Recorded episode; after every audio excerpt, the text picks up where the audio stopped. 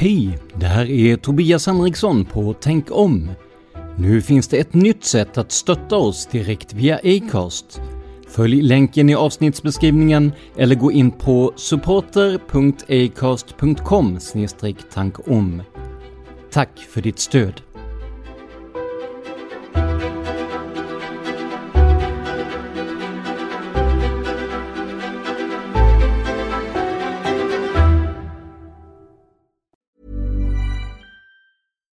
One size fits all seemed like a good idea for clothes Nice dress. Uh, it's a it's a t-shirt. until you tried it on. Same goes for your healthcare. That's why United Healthcare offers a variety of flexible, budget friendly coverage for medical, vision, dental, and more. So, whether you're between jobs, coming off a parent's plan, or even missed open enrollment, you can find the plan that fits you best. Find out more about United Healthcare coverage at uh1.com. That's uh1.com. Hey, it's Danny Pellegrino from Everything Iconic. Ready to upgrade your style game without blowing your budget? Check out Quince. They've got all the good stuff shirts and polos, activewear, and fine leather goods, all at 50 to 80% less than other high end brands. And the best part? They're all about safe, ethical, and responsible manufacturing. Get that luxury vibe without the luxury price tag. Hit up quince.com slash upgrade for free shipping and 365 day returns on your next order. That's quince.com slash upgrade. Millions of people have lost weight with personalized plans from Noom, like Evan, who can't stand salads and still lost 50 pounds. Salads, generally, for most people, are the easy button, right? For me, that wasn't an option. I never really was a salad guy. That's just not who I am. But Noom worked for me. Get your personalized plan today at Noom.com. Real Noom user compensated to provide their story. In four weeks, the typical Noom user can expect to lose one to two pounds per week. Individual results may vary. Hej alla lyssnare! Det här är Tobias på Tänk om. Veckans inspelning har blivit lite av en produktionsteknisk mardröm. Först slutade min mick att fungera, så jag fick fokusera på att hitta en nödlösning. Dessutom märkte vi att Jennys mick glappade och vi sitter ju i olika städer och spelar in på distans, så det var svårt att hitta en tid att göra om de partier som inte blev helt bra. Vi spelar nämligen in respektive ljud lokalt och har kontakt via telefon för bästa ljudkvalitet för er, så tyvärr upptäckte vi inte de dippar i ljudet som blev på Jennys kanal. Vi har försökt korrigera det så mycket vi kan med hjälp av ljudprogrammet och nyinspelningar, men det kan finnas partier som har sämre ljud än vad ni är vana vid. Det är också därför ni som sponsrar på Patreon inte kunnat få avsnittet i förväg. Det blev klart först idag, det vill säga torsdagen den 8 februari 2024. Vi jobbar på en lösning så att det här inte ska upprepas och hoppas att ni har överseende den här gången. Men med det sagt, över till dagens avsnitt. Vi har i de senaste avsnitten pratat om att Elvis lever och att Paul McCartney är död. Idag ska vi ta oss an något kanske lite mer seriöst. Vi ska prata om konspirationsteorierna som omgärdar Bilderberggruppen och dess årliga möten.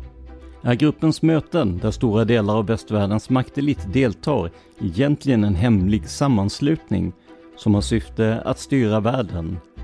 Jag heter Tobias Henriksson och du lyssnar på Tänk om.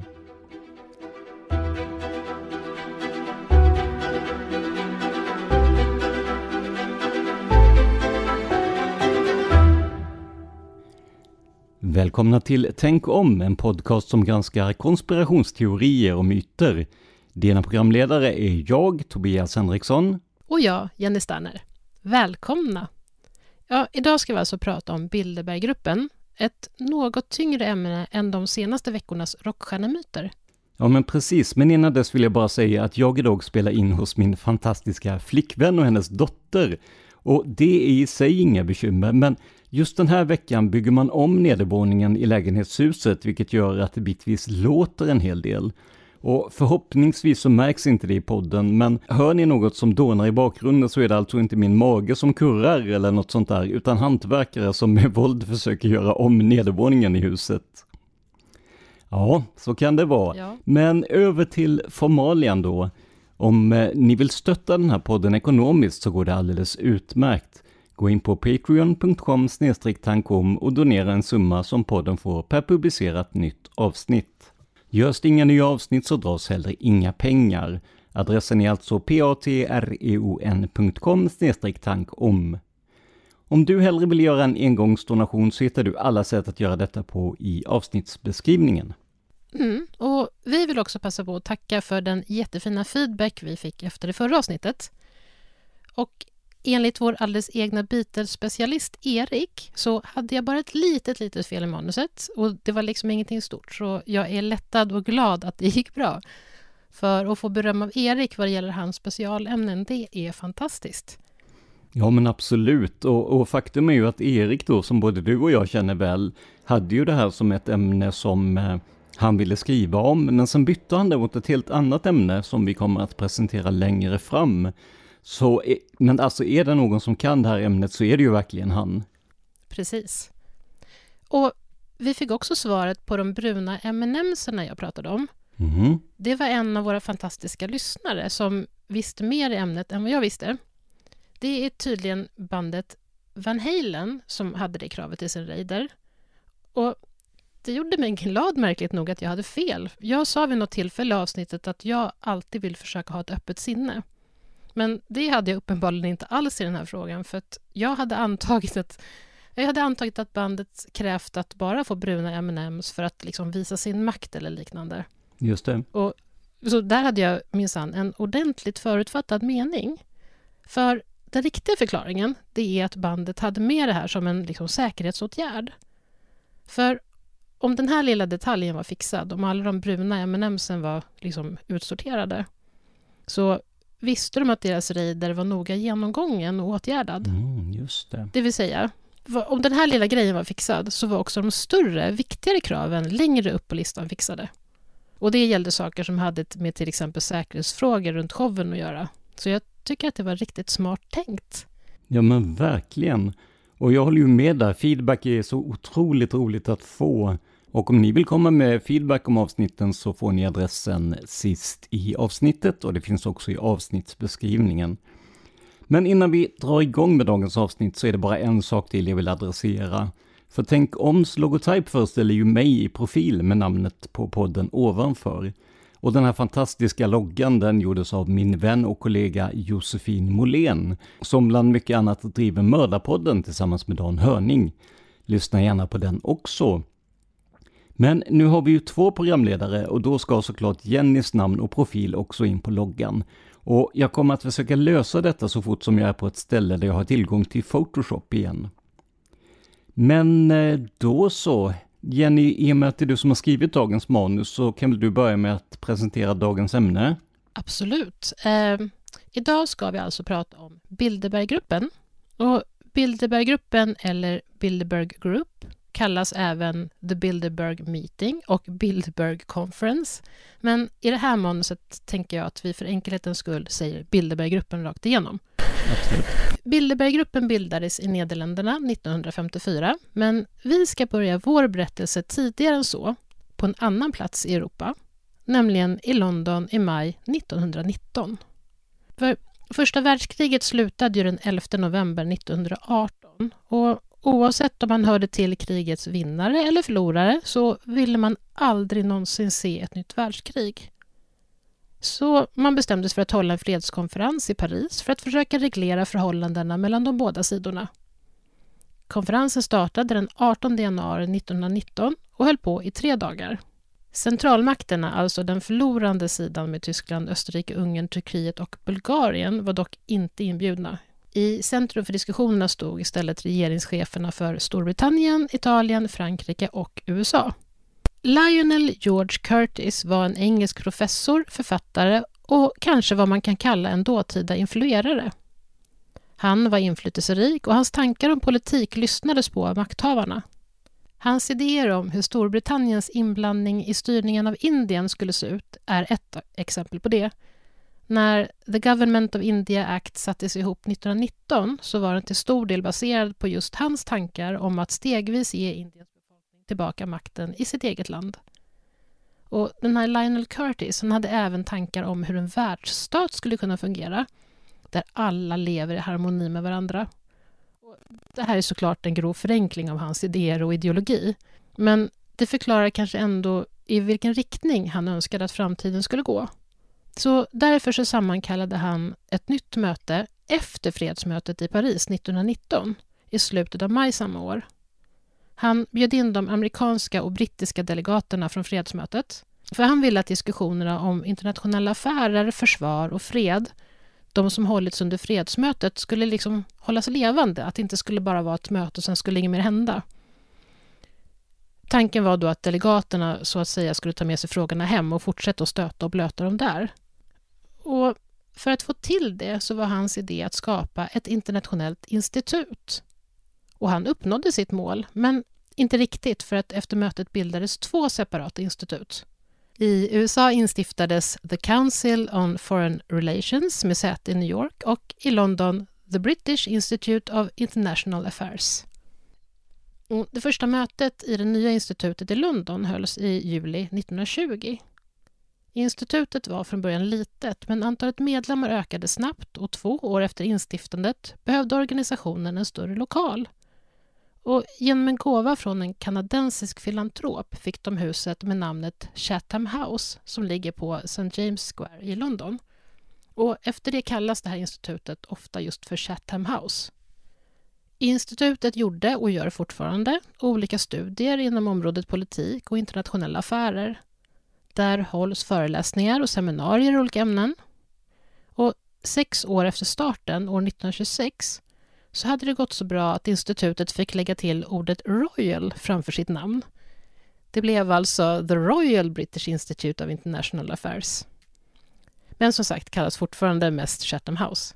Men det tänker att det är tecken på att det var framgångsrikt. Ja men verkligen. Det är ju som att få den här eh, kunglig hovleverantör eller vad man nu säger i, i Sverige då, då är, det, då är det ju något alldeles extra liksom. Så det måste ju ha varit en stor grej känner jag. Precis, där har du och jag någonting att sikta på. Visst? Ja, mm. absolut. Kunglig ho hovleverantör av faktagranskande poddar eller något sånt där. Precis. Det här institutets syfte det uttrycktes och uttrycks fortfarande så här, översatt till svenska. Institutets uppgift och mål är att med hjälp av kunskap runt internationell politik studera internationella frågor genom föreläsningar, seminarier och diskussioner. Institutet ska uppmuntra utbyte av information, kunskap och tankar kring internationella relationer. Institutets mission är att hjälpa regeringar och samhällen att bygga en hållbar, säker, framgångsrik och rättvis värld. Det låter ju väldigt eh, vettigt måste jag säga. Ja, det låter, det låter super. Och det, det var det fler som tyckte, så att det här institutet blev snabbt en organisation att räkna med, med prominenta personer i styrelsen och som föreläsare. Och som ett exempel bland många kan jag nämna att Mahatma Gandhi besökte institutet och höll en föreläsning 1931 med 750 inbjudna gäster. Vad har då The Royal British Institute of International Affairs eller The Chatham House med Bilderberggruppen att göra? Ja, en gemensam nämnare det är gruppens beskrivna syfte. Som ni kommer få höra längre fram så låter Bilderberggruppens affärsidé eller syftesbeskrivning ganska lik Chatham House. Men det som gör att Chatham House måste ha en plats i den här berättelsen om Bilderberggruppen, det är det som kallas The Chatham House Rule, alltså Chatham House-regeln. Och vad är då det, Tobias? Jo, men det är så här att 1927 så formulerade styrelsen i Chatham House en modell för att hålla möten och de gav den namnet Chatham House Rule. Och Chatham House-reglerna är enkla. Vad som sägs under ett möte får spridas, men vem som säger vad får deltagarna inte berätta för någon annan. Och man kan ju då säga att syftet med Chatham House Rule är att deltagarna under ett möte eller seminarium ska kunna prata fritt. Man ska kunna ta upp kontroversiella åsikter och prata om känsliga ämnen och fritt säga vad man tycker, tänker och tror utan risk för att till exempel riskera sitt jobb eller sin karriär. Och det här är tänkt för att skapa en mer levande och produktiva diskussioner där deltagarna inte sitter och håller inne med vad de tycker och tänker för att de är oroliga för negativa konsekvenser. Och eh, det här, det här låter ju återigen då väldigt vettigt, eh, just det här att ingen människa ska behöva hängas ut för att man har åsikter om hur världen ska bli bättre på något sätt. Jag håller helt med. Eh, jag har skrivit in i manuset här att eh, här kan vi ha en diskussion om om vi har varit på något sånt möte själva, men jag har faktiskt inte varit det, så att jag kan inte säga någonting om, jag tycker bara att det låter bra. Mm, nej, det som, jag vet, jag pratade om eh, Josefin Molén här tidigare och hon var med i ett eh, en affärsgrupp kan man säga med massa framgångsrika företag på västkusten då. Och där var det ju öppen diskussion, men där tror jag att det som sades, jag var nämligen med på ett sånt möte, men där tror jag att det som sades där stannade där så att säga. Alltså det, det var inte den här regeln om att, eh, om att informationen får spridas men inte avsändaren så att säga. Men, men det låter ju vettigt när man har att göra med sådana här ganska stora frågor då ju. Men anledningen att vi pratar om Chatham House Rule är att det är en central regel inom Bilderberggruppen och vars historia vi äntligen har kommit fram till. Och Jenny, vad vet vi om hur Bilderberggruppen bildades? Jo, så här var det. Trots fredsmötet i Paris efter första världskriget och instiftandet av nya institut för internationella affärer både i London och i New York så kom det ju ändå ett andra världskrig som vi vet. Och efter det kriget så var det flera, bland annat den polske exilpolitikern Josef Rettinger som kände att Europa blev allt mer negativt inställda mot Nordamerika efter kriget, vilket var en oroande utveckling. För många kände att Europa och Nordamerika borde hålla ihop nu mot Sovjet och dess allierade. Josef Rettinger bodde efter att ha flytt från Polen i Nederländerna och hade kontakter på höga poster så han pratade med prins Bernhard av Nederländerna om sina tankar kring Nordamerikas och Europas relation till varandra. Och prinsen höll med, han såg också problemet. Just det. Och prinsen hade naturligtvis själv ett enormt stort kontaktnät och kontaktade därför den förra belgiske premiärministern Paul van Zeeland och chefen för företaget Unilever, Paul Riken. Och han pratade med Walter Bedell Smith som då var chef för CIA. Så att man hör ju vilket kontaktnät han hade. ja, verkligen. Och till slut, som kronan på verket, så kontaktades den amerikanska presidentens rådgivare, Charles Douglas Jackson. Och de pratade ihop sig. Man kan ju konstatera bara att, att den här prinsens kontaktbok ser helt annorlunda ut än min egen. Ja. Med tanke på Ja, de kontakter han har, CIA och amerikanska presidentens rådgivare och eh, jag menar bara chefen för Unilever är ju liksom jättehög position liksom. Ja, verkligen. Men det här gänget pratade i alla fall ihop sig och kom fram till att kanske skulle de samla ihop politiker och framstående experter inom olika ämnen och hålla möten i några dagar för att diskutera världsläget i stort med fokus just på relationen mellan Nordamerika och Europa. Det kalla kriget var kallare än någonsin. Gruppen ville skapa ett forum där man kunde prata om hur man skulle kunna stärka atlanticismen, ett begrepp som innebär just ett närmare samarbete mellan Västeuropa och Nordamerika. Man ville få till en bättre förståelse för att öka samarbetet på flera nivåer, politiskt, ekonomiskt och inom försvarsområdet. Man bestämde att diskussionerna skulle, för att tillåta ett så öppet och tillåtande klimat som möjligt, hållas med hjälp av Chatham House Rule. Så sagt och gjort. Hotellet Bilderberg Hotel i staden Osterbeck i Nederländerna bokades in för dagarna den 29 till den 31 maj 1954. Bilderberg Hotel det är numera en hotellkedja med ett antal hotell i Nederländerna, 10 eller 12 tror jag, och ett i Tyskland. Men när det första mötet hölls var det ett familjeägt och familjedrivet, lite mindre hotell. Vilka skulle då de här deltagarna vara? Det bestämdes att man skulle bjuda in två deltagare från varje deltagande europeisk nation, vilket vid det första mötet var elva stycken länder. Och en av de här personerna skulle ha en liberal politisk och ekonomisk åskådning och den andra skulle vara konservativt lagd. Och tanken bakom det här det var att man ville få en, liksom en aktiv diskussion där olika synsätt och infallsvinklar på samma problematik skulle kunna luftas. Det blir ju inte så mycket till möten, tänker jag, om alla tycker lika. Nej, så är det. Och från USA skulle 11 deltagare komma. Totalt sett, inräknat styrgruppen för mötet, kom 50 personer. Ja, jag, har en liten tanke där. Om man tittar nu på USA till exempel, så har ju det blivit väldigt polariserat mellan just de konservativa och mer liberala då ju. Eh, så jag tänker att det gäller ju att hitta en, en lagom nivå så att säga, för blir det för extremt åt något håll så, så kan det ju inte bli någon diskussion överhuvudtaget, utan då blir det ju de här yttringarna som vi såg när folk började storma Kapitolium och sånt där istället ju. Precis, det är ju verkligen en, en vad säger man, en tunn linje, eller det är en... Man måste verkligen hamna på rätt sida av den gränsen. Visst är det så.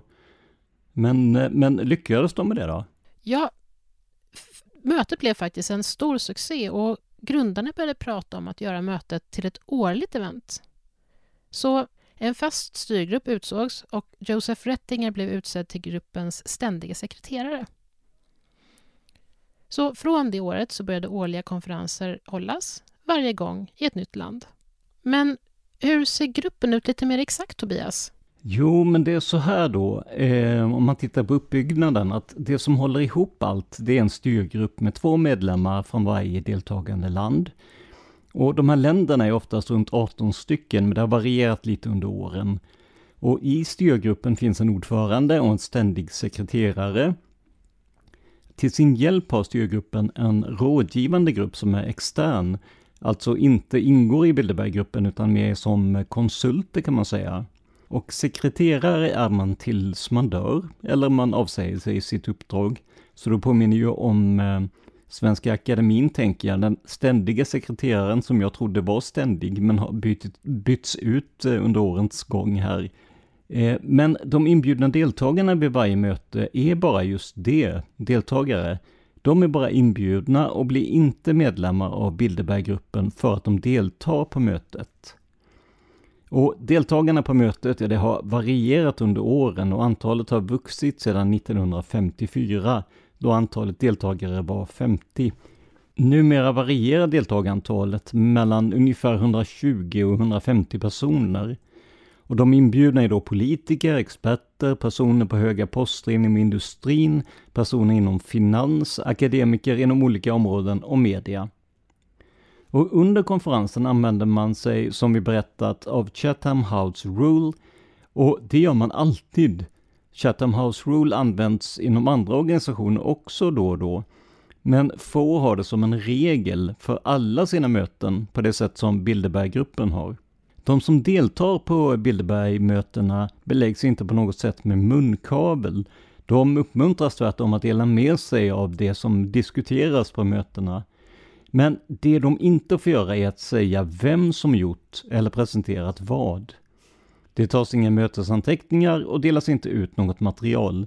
Men däremot får man prata om det som presenterats och diskuterats.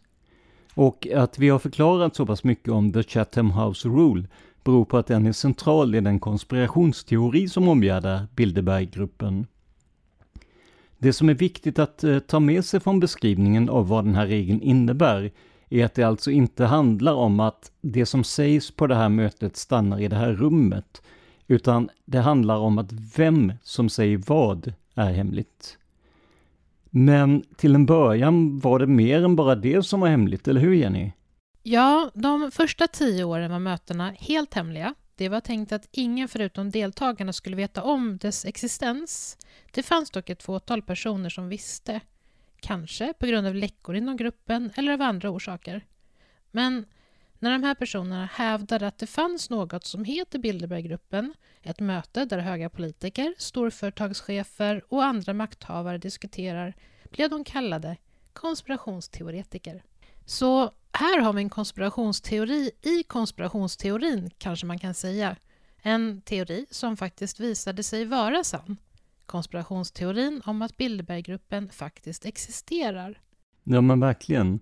Så där, så långt stämmer ju allting, men jag har ju en bestämd känsla av att vi kommer in på lite mer, vad ska vi säga, tvivelaktiga konspirationsteorier längre fram kanske. Med åren blev Bilderberggruppens öppenhet större. Mötena har hållits varje år sedan bildandet med tre undantag. Två av åren då möten inte hölls var 2020 och 2021 av en anledning vi alla tyvärr är alltför väl medvetna om. Men det första tillfället då inget möte hölls hade en helt annan orsak. Året var 1976 och anledningen till att inget möte hölls då var att Bilderberggruppens dåvarande ordförande, grundaren prins Bernhard av Nederländerna, hamnade mitt i en skandal. Den mutskandal som kallas Lockheed-skandalen. Och jag ska inte gå in djupt på det, men eftersom jag är ohjälpligt nyfiken så var jag ju tvungen att kolla upp det här i alla fall lite. Lockheed-affären är ett antal mutskandaler som upptäcktes år 1975 och 76. De inblandade var dels Lockheed Corporation, en amerikansk flygplanstillverkare, samt både regeringsmedlemmar och höga tjänstemän i Västtyskland, Italien, Nederländerna och Japan. Det hela började 1971 när den amerikanska staten hoppade in och räddade företaget Lockheed genom att stå som garant för ett lån på 195 miljoner dollar, alltså 2 miljarder svenska kronor då, 1971. Så jättemycket pengar helt enkelt. Lockheed var nämligen djupt skuldsatta och var på väg att gå i konkurs. En lånekommitté sattes ihop som skulle hålla koll på att lånet betalades tillbaka som det skulle och i samband med att den kommittén granskade återbetalningarna så upptäcktes det att företaget betalat ut mutor till olika regeringar och tjänstemän för att säkra kontrakt av försäljningen av sina flygplan. Och en av de inblandade i den här härvan var alltså den dåvarande ordförande för Bilderberggruppen, prins Bernhard av Nederländerna. Och han hade ju som sagt varit med i Bilderbergsgruppen redan från starten. Så under tiden mutskandalen utreddes slog Bilderberggruppen lågt, även om det inte verkar ha funnits någonting som pekar på att de som grupp var inblandade. Men förutom det här året då och två covidår så har alltså möten hållits varje år. Det har hållits tre möten i Sverige. 1962 och 1973 i Saltsjöbaden i Nacka utanför Stockholm och 2001 i Stenungsund i Bohuslän. Och vi har ju berättat att det är politiker, affärsledare och andra personer som är inflytelserika som bjuds in till mötena. Men vilka menar vi mer exakt, Tobias? Har du några exempel? Ja, men jag har ju det. Jag ska bara säga det, både du och jag är ju kända för att ibland ta oss ner i så kallade kaninhål. Eh, och eh, eh, jag var då tvungen att gå in och kolla på det här Bilderberg Hotel, eller Bilderberg Hotel, som vi pratade om tidigare i avsnittet. Det är ju fantastiska anläggningar, alltså det är rena slotten då med, eh, med priser på ett rum, ja, ska vi se. Det billigaste ligger på eh, 129 euro, vad blir det? Det är en, ja, 12-1500 kronor, det är ganska normalt visserligen, men eh, men det, det ser helt fantastiskt ut alltså. Jag var bara tvungen att, att göra en liten, en, en liten privat avstickare dit. Eh, tittar man på de här hotellen kan man definitivt tänka sig att bo där. Men nu var det ju inte hotellen vi skulle prata om egentligen, det var bara mitt, det var bara mitt lilla kaninhålsletande som, ja. Ja. Men jag tänker just det här med personer då, eh, som har deltagit en eller flera gånger på Bilderberggruppens möten, är bland annat Henry Kissinger, Margaret Thatcher, Bill Gates och Bill Clinton. Och eh, den svenska Wallenbergsfären har länge varit aktiva inom Bilderberggruppen och flera av dem har suttit i styrgruppen. Marcus Wallenberg var en del av styrgruppen och deltog inte mindre än 22 möten. Efter det tog hans två barnbarn Marcus och Jakob vid. De har deltagit 8 respektive 17 gånger. Men några svenska politiker som har varit med är ju en, en eh, person som jag och Dan Hörning gör en podd om faktiskt, nämligen Olof Palme.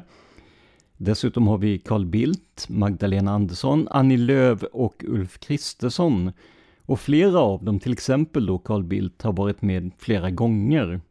Och med uppräknandet av de namnen har vi kommit fram till Bilderberggruppen i sin nutida skepnad. Alltså hur ser mötena ut nu för tiden, Jenny? Jo, numera ser Bilderberggruppens möten ut så här. Det är ju som sagt mellan 120 och 150 deltagare på varje möte. Och två tredjedelar av dem kommer från Europa och en tredjedel från Nordamerika. Och en tredjedel av deltagarna är eller har varit aktiva inom politiken och resterande deltagare kommer från andra områden i samhället. Och de här andra områdena i samhället, det kan vara alla möjliga. Men genom åren har en stor andel varit ägare av eller höga chefer inom storföretag. Hey, I'm Ryan Reynolds. Recently, I asked Mint Mobile's legal team if big wireless companies are allowed to raise prices due to inflation. They said yes. And then when I asked if raising prices technically violates those onerous two-year contracts, they said, "What the f*** are you talking about? You insane Hollywood ass." So to recap, we're cutting the price of Mint Unlimited from $30 a month to just $15 a month. Give it a try at mintmobile.com slash switch. $45 upfront for three months plus taxes and fees. Promo for new customers for limited time. Unlimited more than 40 gigabytes per month. Slows. Full terms at mintmobile.com. There's never been a faster or easier way to start your weight loss journey than with PlushCare. PlushCare accepts most insurance plans and gives you online access to board-certified physicians who can prescribe FDA-approved weight loss medications like Wigovi and Zepbound for those who qualify. Take charge of your health and speak with a board-certified physician about a weight loss plan that's right for you. Get started today at plushcare.com slash weight loss. That's plushcare.com slash weight loss. plushcare.com slash weight loss. Hey, it's Ryan Reynolds, and I'm here with Keith, co-star of my upcoming film, If, only in theaters May 17th. Do you want to tell people the big news? All right, I'll do it. Sign up now and you'll get unlimited for $15 a month and six months of Paramount Plus Essential Plan on us. Mintmobile.com slash switch. Upfront payment of $45 equivalent to $15 per month. Unlimited over 40 gigabytes per month. Face lower speeds. Videos at 480p. Active Mint customers by 531.24 get six months of Paramount Plus Essential Plan. Auto renews after six months. Offer ends May 31st, 2024. Separate Paramount Plus registration required. Terms and conditions apply if rated PG. Även kungligheter som den spanska kung Juan Carlos och Nederländernas drottning Beatrice har deltagit. Men även människor inom kultur, media, professorer och så vidare. Enligt boken Den Adventures with Extremists skriven av journalisten och författaren John Ronson så går planeringen inför mötena till så att styrgruppen träffas ett par gånger per år för att planera och när det beslutats vilket land som ska hålla i kommande konferens så är det dags för det landets styrgruppsmedlemmar att se till att ett helt hotell bokas för fyra dagar. Konferensen hålls ju tre dagar då, men man kanske vill komma kvällen innan.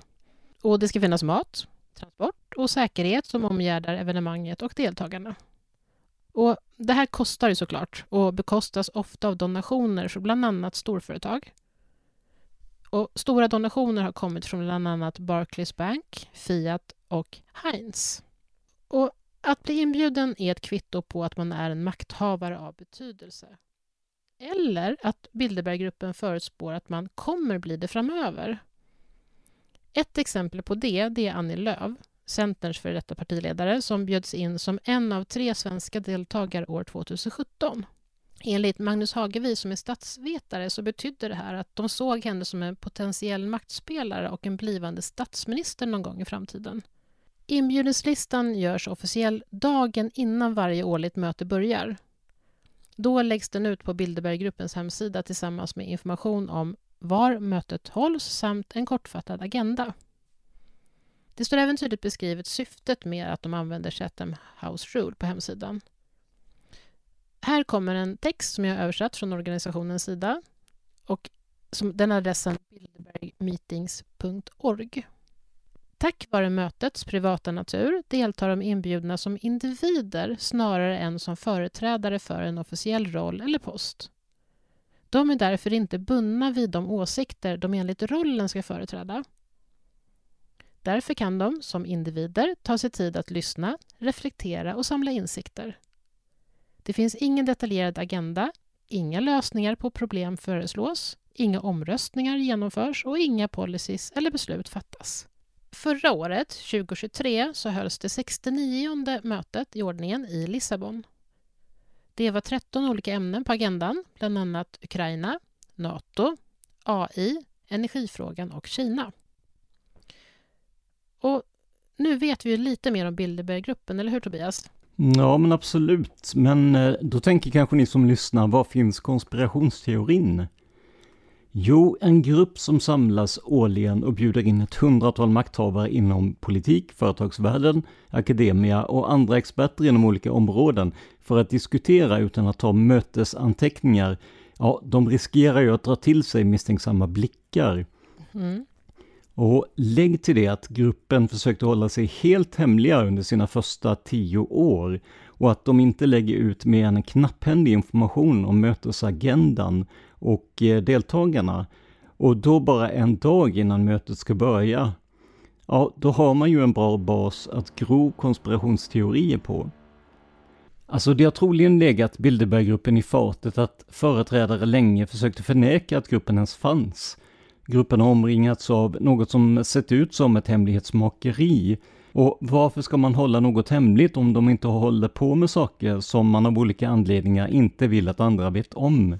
Om man inte har något fuffens att dölja, varför då inte vara lite mer öppna? Vad gör makteliten där bakom stängda dörrar egentligen? Är gruppen egentligen en skuggregering som försöker styra världen med en dold agenda? Det påminner ju om konspirationsteorin New World Order som vi kanske återkommer till. Precis. En skuggregering som inte är demokratiskt vald, som fattar beslut som kan påverka miljarder människor, utan att ta hänsyn till de så att säga vanliga människorna. Det är vad konspirationsteoretikerna ser i Bilderberggruppen. Och det finns de som menar på att Bilderberggruppen har en dold agenda, att sprida kapitalismen över hela världen. Men det finns också de som menar på motsatsen, att Bilderberggruppen i det dolda arbetar för att införa kommunism och planekonomi, kanske till och med totalitär marxism. Men Jenny, är det inte lite märkligt tycker du att man kan anklagas både för att vara kapitalist och sen å andra sidan att vara kommunist? Alltså jag tänker, man har ju fått båda de här ytterligheterna på något sätt i den här konspirationsteorin. Det, är ju verkligen väldigt extremt. Om man skulle gissa på någonting så skulle det vara att de vill sprida kapitalismen. Nu, nu, tror jag, jag kommer komma till vad jag tror om allt det här, men som du säger, det är verkligen de två ytterligheter. Mm. Men det är väl också, tänker jag, för att det har funnits en ja, man har varit lite försiktiga med att berätta om i alla fall vilka som har sagt vissa saker och så vidare då. Mm. Och det har väl gett en grogrund till det här då, men, men eh, det är ju inte många som kan stoltsera med att anklagas för att vara både kommunister och kapitalister. Nej, verkligen inte. Nej. Men via Wikileaks så har det läckt ut dokument från Bilderberggruppens andra konferens, alltså den som hölls 1955. Där diskuterades bland annat en gemensam europeisk marknad och valuta. Och det vet vi ju hur det blev med det, även om euron kom nästan 40 år senare och inte strax efter konferensen. Det finns alltså inga mötesanteckningar per se, inga som hittats i alla fall.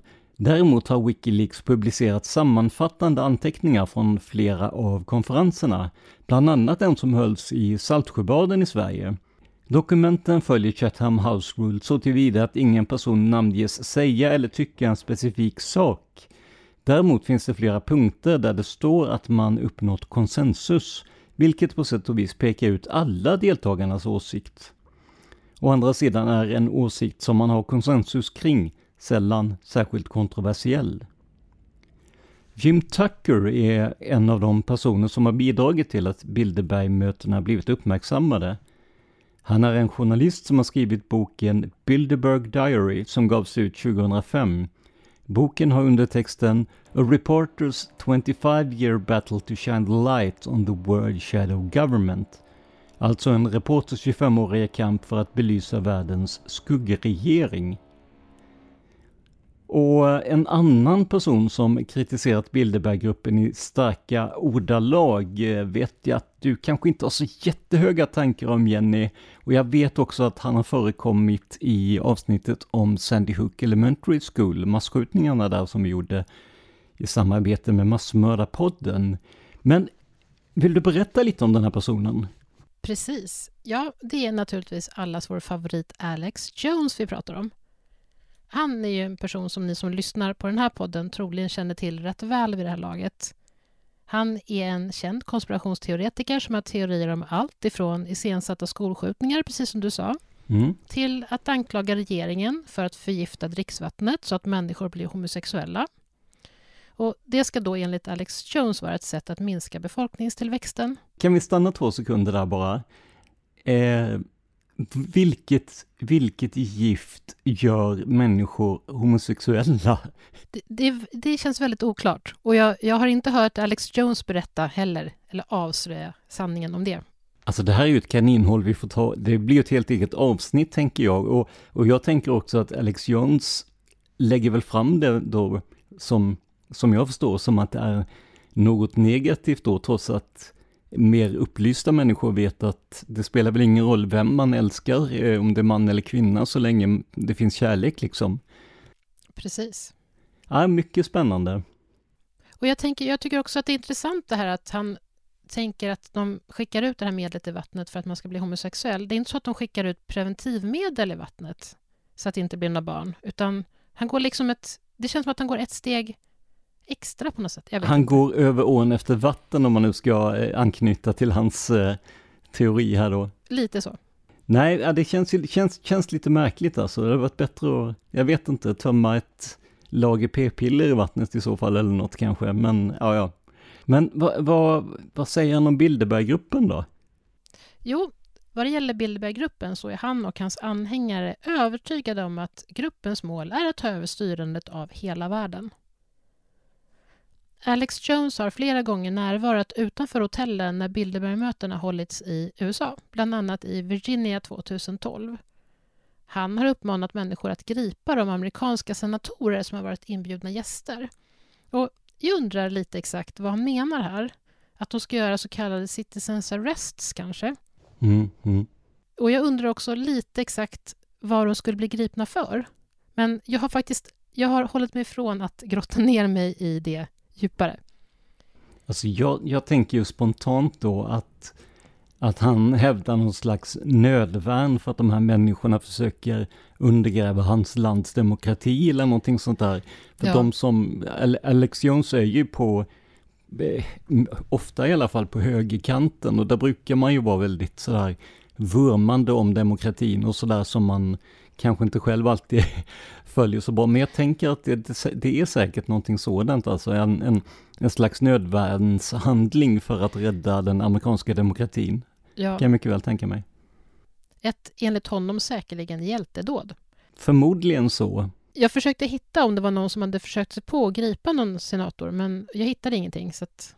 Nej, men jag tänker att eh, Bilderberggruppens säkerhetsbudget var ju ganska ordentlig också, så man kan ju misstänka att det är svårt att ta sig fram till ledamöterna också. Precis. Precis så. Och Alex Jones hävdar att han vet att Bilderberggruppen stod bakom bildandet av EU, vilket han för övrigt kallas för en nazistplan. Och att han kallar det så, det kan eventuellt ha sitt ursprung i en viss sanning, vilket är att en av grundarna till Bilderberggruppen, igen prins Bernhard av Nederländerna, på tidigt 30-tal var medlem i det nazistiska partiet. Han avsade sig sitt medlemskap 1936. Men alltså, där får vi ju stanna till lite igen, tänker jag. För att i Tyskland och närliggande länder på den här tiden så såg man ju Adolf Hitler och NSDAP som någon slags räddare eh, för både ekonomi och annat. Och det var ju inte ovanligt att man gick med i partiet eller var aktiv nazist eh, långt innan man visste vilka eländigheter som skulle komma. Jag säger inte därför att försvara inställningen till, alltså försvara nazismen på Nej. något sätt, men, men det var ju väldigt många som anslöt sig till partiet och det var också väldigt många som fick sin världsbild förändrad när man såg de brutaliteter som kom framförallt mellan 39 och 45. Och som du säger då, eh, prins Bernhard eh, avsade sig medlemskapet 36 och det var ju innan i alla fall de värsta förföljelserna hade börjat då, eller i alla fall de regelrätta krigshandlingarna hade börjat. Eh, jag tror judarna hade det väl inte allt för trevligt 36 heller, kan jag miss... Eh, eh, vad jag känner till, men ja. Men det är ju inte bara Alex Jones då som är väldigt skeptisk eller misstänksam mot Bilderberggruppen, utan det finns ju även personer i Sverige som är misstänksamma.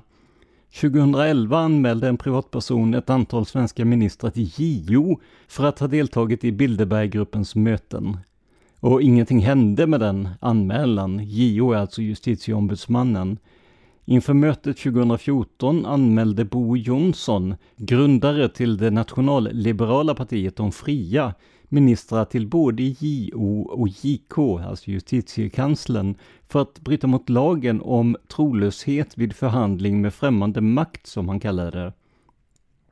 Att politikerna deltar som individer och inte som företrädare för sitt parti blir, enligt Bo Jonsson och andra kritiker, ett problem eftersom de eh, då kan diskutera och besluta saker som deras parti inte står bakom.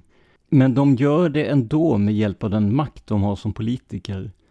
Hade de inte haft den roll eller position de har, hade de inte blivit inbjudna till mötet. Det finns också de som har granskat deltagarlistor från olika möten och sett att, aha, person X deltog i mötet år si och så och året efter valdes hen till president. Det måste vara Bilderberggruppen som hjälpt henne att bli vald. Men nu med facit i hand så vet vi ju att Annie Lööf inte blev statsminister. Men däremot blev Stefan Löfven statsminister året efter att han hade deltagit i ett Bilderbergmöte och Fredrik Reinfeldt blev det bara några månader efter sitt deltagande. Och vad gäller detta kan man ju tänka konspiratoriskt, att Bilderberggruppen kan påverka opinionen och vem som väljs till till exempel statsminister. Men man kan också se det som att Bilderberggruppens styrgrupp helt enkelt är duktiga på att känna in nutiden och förutse vad framtiden bär. Precis, för som så ofta så kan man ju se på en sak från flera olika håll. En som eventuellt slagit huvudet på spiken, eller rätt nära i alla fall, vad gäller Bilderberggruppen är Dennis Healy. Dennis Healy satt i parlamentet för Labourpartiet i Storbritannien under 40 år och han satt också med i styrgruppen för Bilderberggruppen under drygt 30 år. Han intervjuades av författaren John Ronson år 2001. John Ronson pratade med Dennis Healy om Dennis år inom Bilderberggruppen och på frågan om Bilderberggruppen var ute efter världsherravälde så svarade Dennis att säga att vi strävade efter en världsregering, det är överdrivet, men inte helt taget ur luften. Vi inom Bilderberggruppen kände att det inte gick att fortsätta med krig och personer som strider mot varandra för ingenting och att miljontals människor är hemlösa. Så vi kände att ett enat världssamhälle skulle vara en bra sak. Ja, men det här är ju, det här är jätteintressant verkligen. Men eh, vad tror du själv om eh, Bilderberggruppen? Alltså styr de världen eller har de i alla fall ja, intentionen och viljan att göra det? Ja, alltså, de olika konspirationsteorier som finns hamnar ju på olika positioner på min är det troligt-mätare. Och där hamnar ju både Elvis lever och Paul McCartney är död väldigt långt åt nej-hållet. Men Bilderberggruppen, det är någonting helt annat. Alltså, tror jag att de är ute efter världsherravälde? Nej. Men som Dennis Healy sa så är ju tanken god. En enad värld där alla lever i fred och harmoni, svälten är utrotad och klimatet mår bra. Mm. Och tyvärr så blir det så att när Alex Jones är för någonting så blir jag emot saker han är misstänksam mot förlyder jag liksom det som faktiskt skulle kunna vara en seriös frågeställning. Men Alex tror ju också att Barack Obama och Hillary Clinton är demoner och då får precis allt han säger ett liksom, löjets skimmer för mig på något sätt. Ja, du skrev ju Pizzagate till exempel, där Hillary Clinton förekom och pekades ut som, om inte demon så eh, pedofil sadist och sånt där, vilket ju är helt taget ur luften liksom. Precis. Men vad det gäller Bilderberg så nej, jag tror inte att det fattas en massa stora beslut på de här mötena. Däremot så är jag lite osäker på det som står på deras hemsida, att lösningar inte föreslås. För det har jag svårt att tro, för det sa du någonting om tidigare. Ja, precis. Inte, inte 17 diskuterar man olika problem utan att liksom, i alla fall brainstorma om lösningar. Nej, vad skulle då, alltså meningen med diskussionen var om man inte så att säga Eh, vill komma till någon form av lösning eller konsensus. De sa ju det att, alltså tidigare i manuset så hade vi det här att om man kommer till konsensus så kan man berätta om, om att alla tycker likadant då så att säga, men konsensus om vad om man då inte plockar fram möjliga lösningar? Det förstår jag inte riktigt. Nej, precis så. För på samma sätt som en gemensam europeisk marknad och valuta diskuterades under mötet 1955 det var ju en lösning de diskuterade där, en lösning på den ekonomiska instabiliteten och volatiliteten. Så som du säger, där har de ju de facto faktiskt diskuterat en lösning. Men det behöver ju inte betyda att de stod bakom genomförandet på något sätt. Och dessutom är det ju faktiskt så att det var inte Bilderberggruppen som kom på den här idén. Diskussioner om en gemensam valuta, det är liksom ett stort ämne inom makro och nationalekonomin. Och teorier om det, det har ju funnits i flera hundra år. Mycket, mycket längre än Bilderberggruppen har funnits. Bilderberggruppens mål och verksamhet liknar till viss del The Chatham House och dess motsvarighet i New York. Plus andra grupper som finns där man diskuterar ja, olika världslägen och politik. Men jag ser inte samma konspirationsteorier till exempel runt The Chatham House och då kan man ju fundera på om det är Bilderberggruppen som själva liksom bjudit in till spekulationer just genom sitt hemlighetsmakeri, särskilt i början. Men sammantaget så säger jag nej. Jag tror inte att Bilderberggruppen har som mål att styra världen. Däremot tror jag heller inte att deras möten är de kafferep som vissa av dem som har deltagit vill framställa dem som. Och att personerna som är inbjudna är där som individer, det är säkerligen sant. Men man kan liksom inte komma ifrån att de flesta är ju personer som besitter stor makt i sina olika officiella roller och därför har de ju en stor förmåga att påverka inom de olika områden de diskuterar. Men jag, jag tror inte på någon konspirationsteori bakom det. Va, vad tänker du? Ja, men alltså som du säger, det är ju liksom inte en, en eh, fordonsmekaniker från hissingen som bjuds in, utan det är ju inget ont om dem nu, men jag tänker om man pratar om någon form av eh, gradering utifrån hur mycket makt man har då, så, så kanske en, en, en eh, lokalvårdare eller fordonsmekaniker eller något står på andra sidan mot de här eh, ehm, eh, ja, politikerna, makthavarna då ju. Så att, eh, ja, men jag, jag tänker så här, vi, vi pratade om det här med svenska personer som eh, har deltagit i Bilderberggruppens möten och då var jag tvungen då att springa ner i ett kaninhål till och googlade lite snabbt Carl Bildt och Bilderberggruppen i och med att han hade varit med på eh, ett antal möten då. Och eh, jag tänkte det kan vara intressant att se hur, hur media profilerar det här. Jag fick nämligen fram en, en artikel från Dagens Nyheter där stod det till exempel om man använder uttryck som att gruppen är mytomspunnen och likställs med en hemlig klubb för inflytelserika makthavare. Så även en, en eh, liksom etablerad tidning som Dagens Nyheter sätter ju en slags konspiratorisk stämpel på det redan i ingressen här ju. Ja, verkligen. Mm. Sen står det också att om eh, Carl Bildt tillhör gruppens kärnmedlemmar, det framgår inte. Bildt säger jag har varit med några gånger men deltar inte varje år. Jag kommer att vara här hela tiden, men jag vet inte vilka andra som kommer. Det brukar komma en deltagarlista. Hej, det är Paige DeSorbo från Giggly Squad. High quality fashion without the price tag. Say hello to Quince. I'm snagging high-end essentials like cozy cashmere sweaters, sleek leather jackets, fine jewelry, and so much more. With Quince being 50 to 80% less than similar brands and they partner with factories that prioritize safe ethical and responsible manufacturing. I love that. Luxury quality within reach. Go to quince.com slash style to get free shipping and 365 day returns on your next order. quince.com slash style. Eh, och sen står det också att Bilderberggruppen vanligtvis har ett tema för sina möten Men eh, om det fanns ett sånt för årets sammankomst, det här var 2008, det kunde inte Carl Bildt svara på. Utan han säger att han tror att det ska handla en del om Afrika bland annat. Oklart mer än så. Eh, och sen det här med just kritiken mot hemlighetsmakeriet kring gruppens verksamhet avfärdar han helt. Han säger Bilderberggruppen är bara sig mer eller mindre sluten än andra möten som jag deltar i och som inte är öppna för media.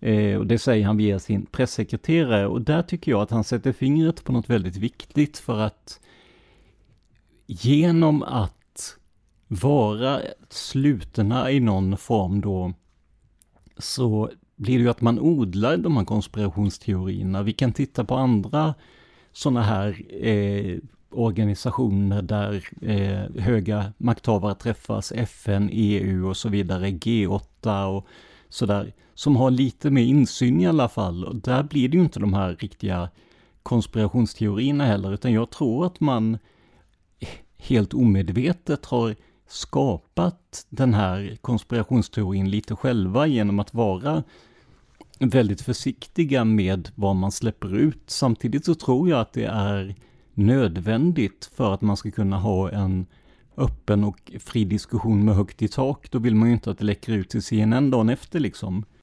Men jag tror absolut inte på någon eh, världskonspiration eller någon ny världsordning. Jag tror att det finns ett väldigt gott syfte och jag tycker att det bekräftas i att eh, Bilderberggruppen har funnits sedan 50-talet och att vi inte har sett någon eh, stor revolution med omstörtning mot varken eh, kommunism eller eh, kapitalism mer än vad vi redan har så att säga då.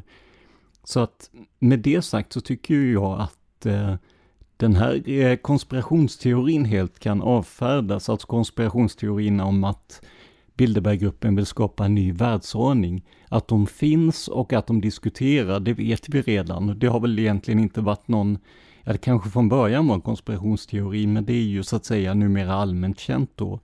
Men nej, de vill enligt mitt eh, förmenande inte ändra om någon världsordning och i så fall hade vi sett det på de 70 år som de hållit på hittills.